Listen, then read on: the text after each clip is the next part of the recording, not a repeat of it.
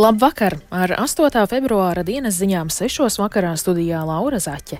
Vispirms ieskats tajā, ko vēstīsim. Finanšu ministrs pauž, ka samazināta nodokļu likme neveicinās zemkopības nozares konkurētspēju.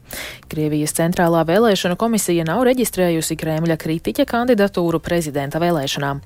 Latvijā aizvadīts pirmais tiešsaistes eksāmena izmēģinājums vidusskolēniem. Par šiem un citiem tematiem plašāk ziņu turpinājumā.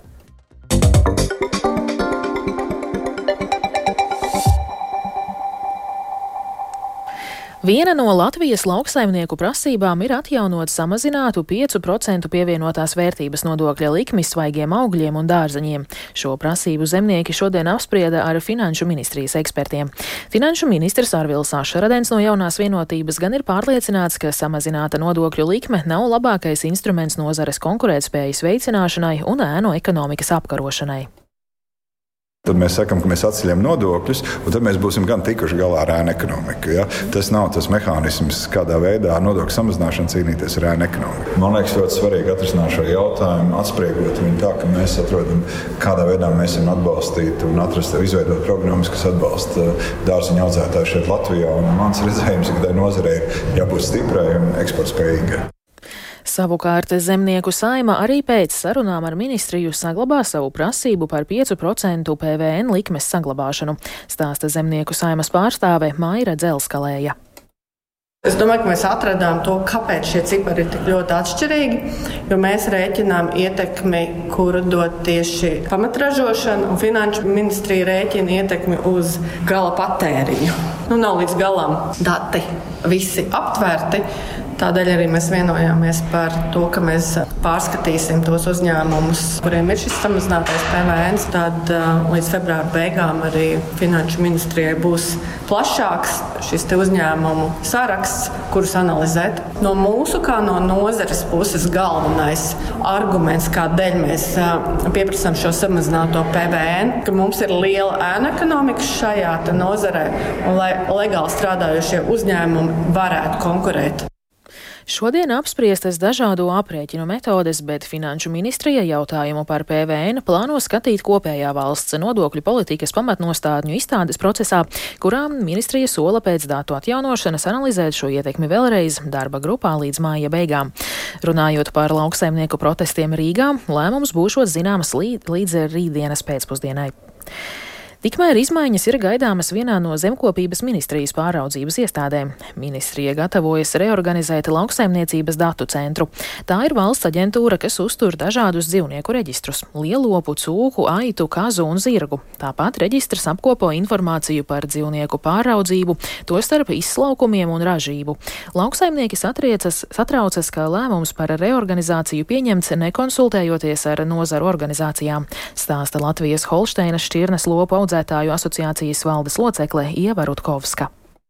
Kā ir plānots, es nezinu. Mums bija arī laba datu bāze, ja es runāju kā cilvēks speciālists, ja, tad es nevaru teikt, un, un būtu grūti saprast, kā tas tagad pāries, vai vienkārši paliks visi tā pati datu bāze, vienkārši mainās karogi. Nu, Par to nav bijis diskusija.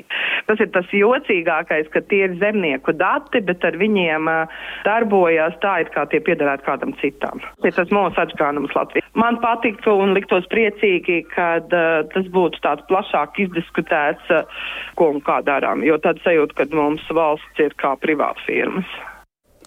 Korupcijas novēršanas un apkarošanas biroja viesošanās mājā pie atstādinātā Rēzeknes mēra partijas kopā Latvijai vadītāja Aleksandra Bartaševiča esot pārspīlēta. Tā intervijā Latvijas radio norādījis Bartaševičs. Viņš to uzskata arī par politisko izrēķināšanos no konkrēta saimas politiķa. Kad jūs uzzināsiet, eh, kas konkrēti bija izdarīts, eh, nu, viņuprāt, nepareizi, tā reakcija, kad pie manis eh, ar kratīšanu atbrauca astoņi knaba darbinieki, tik nenopietnai apsūdzībai mobilizēt tik lielus spēkus, tā ir vienkārši valsts līdzekļu izšķirdēšana. Tas ir Olega Būrovā solījuma izpildi, ka bija izteikti draudi par to, ka, ja mēs nepakļausimies, tad, tad mums jāgaida, ka administratīvās lietas tiks pārklicētas par kriminālu lietām. Burtiski Burtiski pēc nedēļas uzreiz tie draudi realizējas. Vispār pieejami eh, datubāzes dokumenti, kurus par naudu es varu paņemt, par to kriminālu procesu. Jau vēstījām, ka korupcijas novēršanas un apkarošanas brojām ir aizdomas, ka Bārta Ševičs uzdeva pašvaldības darbiniecei iegūt informāciju no amata pienākumu pildīšanai pieejamās datubāzes, un vēlāk šīs ziņas izpaudi savam ģimenes loceklim izmantošanai personīgiem mērķiem. Trim krimināla procesā iesaistītajām personām ir noteiktas tiesības uz aizstāvību.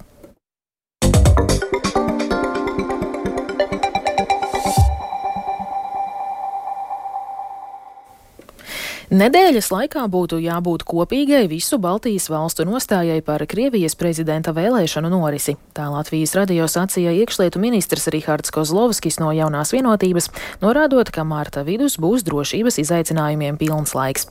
16. marts ir daļai sabiedrības jutīgs datums, bet tam nākamajā dienā sekos prezidenta vēlēšanas Krievijā. Ministrs teica, ka riski pieaug.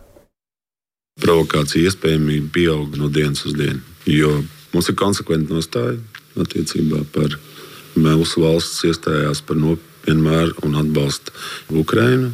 Tur augstu to latiņu arī Eiropas līmenī. Esam spēruši virkni soļus. Manuprāt, tas arī ir acīm redzami. Es nedomāju, ka pašlaik šie visi skaitļi, kas ir tuvu nulē uz robežas un vispārējais, ka tas vienkārši tā arī paliks. Tā kā, jā, riski ir, nu, tāpēc arī darām visu, lai viņus novērstu, arī preventīvi novērstu. Bet uh, es būšu atklāts un riski pastāv. Viņi pieaug. Krievijas opozicionārs un Kremļa kritiķis Boris Nadeždins pavēstījis, ka Centrālā vēlēšanu komisija nav reģistrējusi viņa kandidatūru prezidenta vēlēšanām, kas Krievijā notiks martā. Nadeždins neilgu laiku bijis likumdevējs valsts domē, nogalinātā opozīcijas līdera Borisa Ņemcova tūs līdzgaitnieks un pauž pretkara uzskatus un ir publiski izteicies pret Vladimira Putina politiku. Viņš sola izbeigt karu Ukrainā. Kā atjaunot saites ar rietumiem, komentē Nadeždins. Tur būs divi etapi. Pirmā etapa. Tur būs divi posmi. Pirmais posms ir miera sarunas par Ukrainas konfliktu. Ziniet, es jau gatavojos sarunām ar Baidenu vai Trumpu. Es gatavojos sarunām ar Zelenski vai Aristoviču. Ar Aristoviču laikam būs vieglāk vienoties. Gatavojos sarunām ar Šolcu un Makronu. Es ļoti labi zinu, ko es viņiem teikšu. Es teikšu, ka ļoti labi saprotu Ukrainas tautas jūtas, bet uzdosim vienkāršu jautājumu. Kas ir svarīgāks? Paskatīsimies uz situāciju nākotnē. Kas ir svarīgāks? Cilvēks, kur iet robeža, vai tas, lai cilvēki katru dienu cits citu nenogalinātu. Savu kandidatūru vēlēšanās viņš pieteica janvārī, un drīz vien sociālajos tīklos publicētajos video un fotografijās bija redzamas rindas ar cilvēkiem vairākās pilsētās, kas devās parakstīties atbalstot viņa kandidēšanu. Taču vairāki tūkstoši pārakstu atzīti par nederīgiem, un tieši tādēļ viņa kandidatūra nav reģistrēta.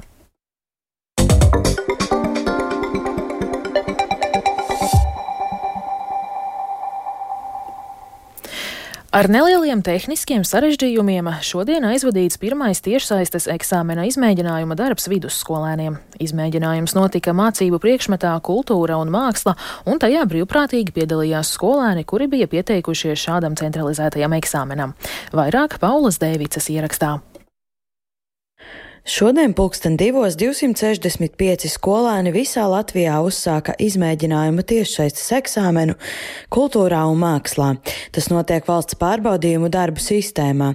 Izmēģinājums ir būtisks ne tikai skolēniem, bet arī skolas darbiniekiem un sistēmas uzturētājiem, jo tajā iespējams ne tikai pārbaudīt savas zināšanas, pierast pie eksāmena pildīšanas veida, bet arī pārbaudīt tehniskās detaļas, kā piemēram pareizu reģistrācijas procesu.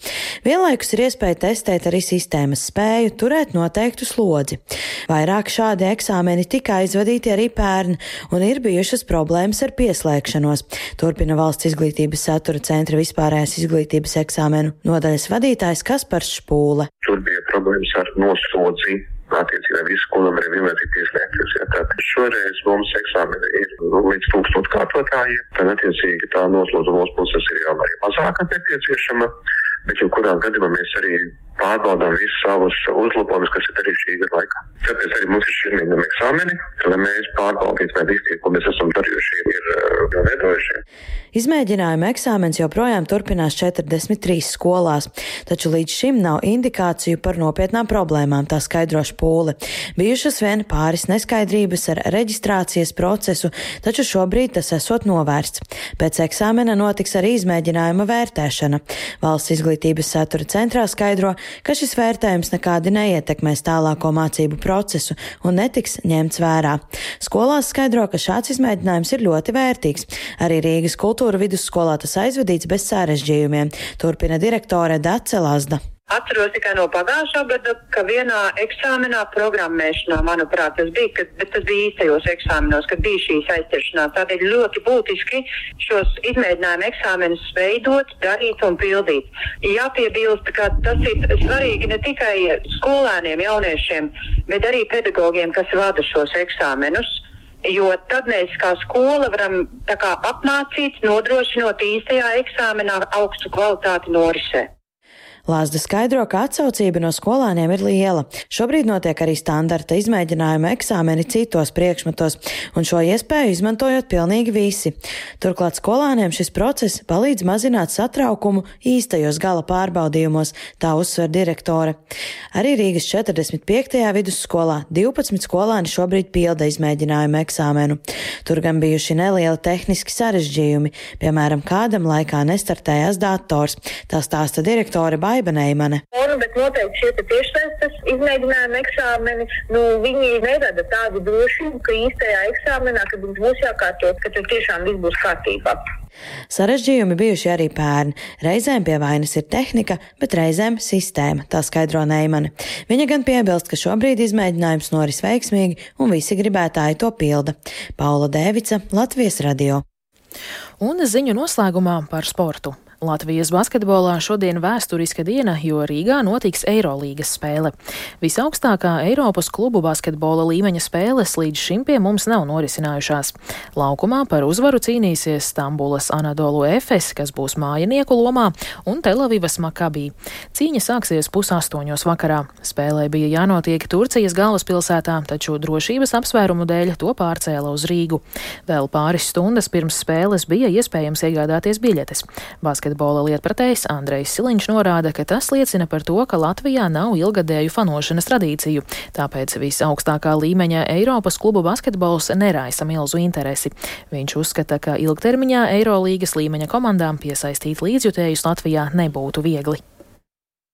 Es pieļauju, ka, ja šeit spēlētu Kauņa Žalgiris vai Boloņas virtus, tad biļetes nebūtu vairs pieejamas dažas stundas pirms spēles. Jā, nē, nu vēl noteikti var iedot arī to Latvijas vai nu trenera, vai nu vislabāk, protams, kāda spēlētāja klātbūtni. Un arī tad es domāju, ka tam spēlētājiem būtu jābūt starp vadošajiem, vai nu vismaz starp tiem, kas tur spēlē tās savas 10-15 minūtes stabili un ir laukumā un priecē līdzutējus, kas var nākt klātienē un skatīties uz to, kā cīnās pret tur Eiropas lielākajām zvaigznēm.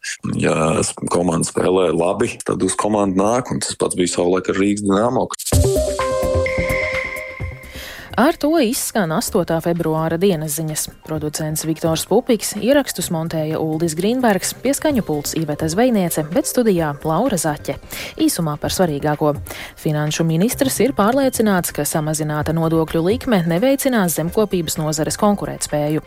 Krievijas centrālā vēlēšana komisija nav reģistrējusi Kremļa kritiķa kandidatūru prezidenta vēlēšanām, bet Latvijā aizvadīts pirmais tiešsaistes eksāmena izmēģinājums vidusskolēniem. Vēl tikai par laikapstākļiem. Gaisa temperatūra Rīgā šobrīd ir mīnus 3 grādi un pūš austrumu vējš 3 m2. Atmosfēras spiediens ir 754 mm, bet relatīvais gaisa mitrums 87%. Vēl šovakar daudz viet valstī gaidām sniegšana. Vietām rietumu un centrālajos rajonos sniegs stipri. Autoceļi ir slideni un redzamība sniegšanas, sniegšanas laikā ir pasliktināta. Bet par laiku turpmāk pastāstīs sinoptiķe Ilze Golubeva. Līdzīgi kā šodien, arī piekdien daudz vietas sniks, naktī vietām stipri, bet par spīti tam debesis arī dažkārt skaidrosies. Naktī gaisa sadzisīs līdz mīnus 3, mīnus 8 grādiem, bet vietām valsts austrumos zem skaidrām debesīm termometrs stabiņš noslīdēs par līdz mīnus 15 grādu atzīmē. Savukārt dienā gaisa temperatūra svārstīsies no 0 līdz mīnus 8 grādiem, un arī dienas laikā vēsāks būs valsts austrumos. Turpmākajās dienās Latvijā turpināsies sals, bet nedēļas izskaņā nokrišņu jau būs krietni mazāk.